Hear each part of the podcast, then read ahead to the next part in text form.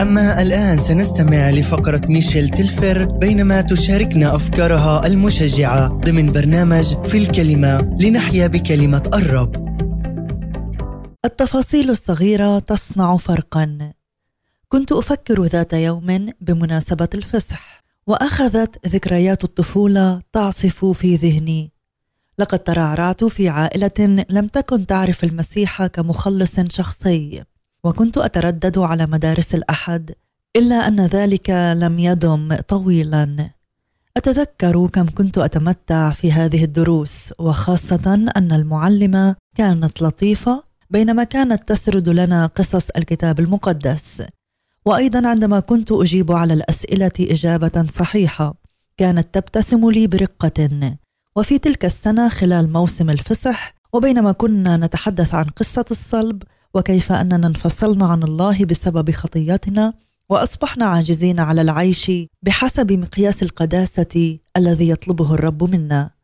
وقد صدمت حين أدركت أن عقاب الخطية وأجرتها كان الموت وليس فقط الموت الجسدي وإنما أيضا الموت الروحي والانفصال عن الرب.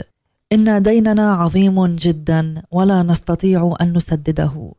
لكن عندما تحدثنا عن محبة المسيح لنا وكيف اختار أن يأتي بنفسه ليخلصنا ويذهب إلى الصليب ليموت طوعا وبإرادته من أجلنا ليأخذ مكاننا ويصالحنا مع الله الآب. وبعد أن دفن في القبر ثلاثة أيام قام من الموت معلنا نصرته على الخطية والموت وأنه حي إلى الأبد. يشفع بكل الذين يقبلون إليه ويؤمنون به. بعد أن انتهى هذا الدرس طلبت منا المعلمة أن نذهب إلى الخارج لنرى كنيسة قديمة وحولها منظرا رائعا حيث قام أشخاص بصنع منظر لتلة خضراء محاطة بالصخور وبجانبها مغارة لها باب يرد عليه حجر دائري كبير. وهذا تجسيدا لقبر يسوع الفارغ وقام أحدهم بكتابة الآية من إنجيل لوقا الأصحاح الرابع والعشرين والآية السادسة ليس هو ها هنا لكنه قد قام. لقد مر على هذه الزيارة سنوات إلا أنني ما زلت أتذكرها. حقا إنه أمر مدهش. نعم عندما أتذكر تلك الزيارة ومنظر القبر الفارغ يغمرني الفرح.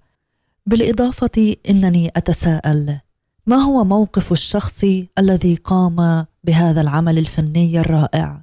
هل تكلم الرب إلى قلبه مثلما تكلم إلى قلب طفلة صغيرة؟ دعونا لا نستهن ابدا بأي عمل نقوم به للرب مهما كان صغيرا ولنجعل كلمات رسالة غلاطيا الأصحاح السادس والآيات التاسعة والعاشرة أمام أعيننا حيث يقول هناك فلا نفشل في عمل الخير لأننا سنحصد في وقته إن كنا لا نكل. فإذا حسب ما لنا فرصة فلنعمل الخير للجميع ولا سيما لأهل الإيمان. عزيزي إن كنت لا ترى ثمرة تعبك وعملك للرب في الوقت الحالي أشجعك بأن لا تستسلم. قد يلمس الرب قلب شخص من خلالك اليوم أو لاحقا. لذلك استمر في خدمتك وعطائك له. كانت معك ميشيل ليبارك الرب يومك. نشجعكم على الاستماع إلينا في المرة القادمة والتي فيها تتحدث إلينا ميشيل تلفر لتشجعنا من خلال الروح القدس لنعيش بحسب الكلمة وفي الكلمة. لمزيد من كلمات التشجيع زوروا الموقع الإلكتروني الخاص بميشيل intheword.com i n t h e w o r d.com